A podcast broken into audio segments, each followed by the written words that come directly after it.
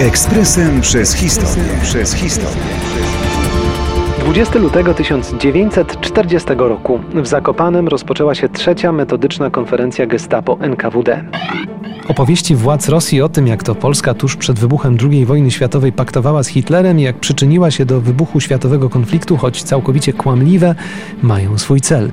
Mają za zadanie przykryć prawdę o ścisłej współpracy z ZSRR i III Rzeszy, która wcale nie ograniczyła się jedynie do podpisania taktycznego paktu Ribbentrop-Mołotow. Dokument ten, czy raczej obie jego klauzule, jawna i tajna, był zarzewiem ogromu nieszczęść, do jakich doszło po ratyfikacji.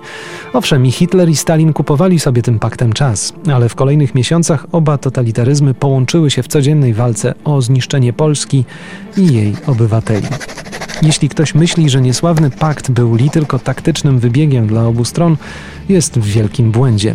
Po przegranej wojnie obronnej na dwa fronty Polska dostała się w mordercze kleszcze. O tym, jak metodycznie i Niemcy i Sowieci zajęli się wyniszczaniem najżywotniejszej tkanki narodu polskiego, świadczą podjęte przez nich akcje wymierzone w inteligencję, kadrę oficerską, naukowców czy księży. Cel był jasny wytrzebienie elit, które powinno szybciej rzucić naród na kolana.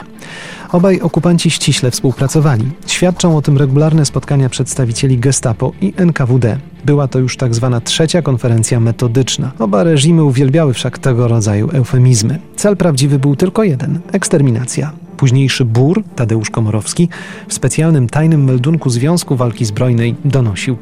Sztab mój otrzymał wiadomość, że do Krakowa przybyła specjalna komisja NKWD, aby uzgodnić z Gestapo wspólne działania przeciwko polskiemu ruchowi podziemnemu. Narady trwały kilka tygodni.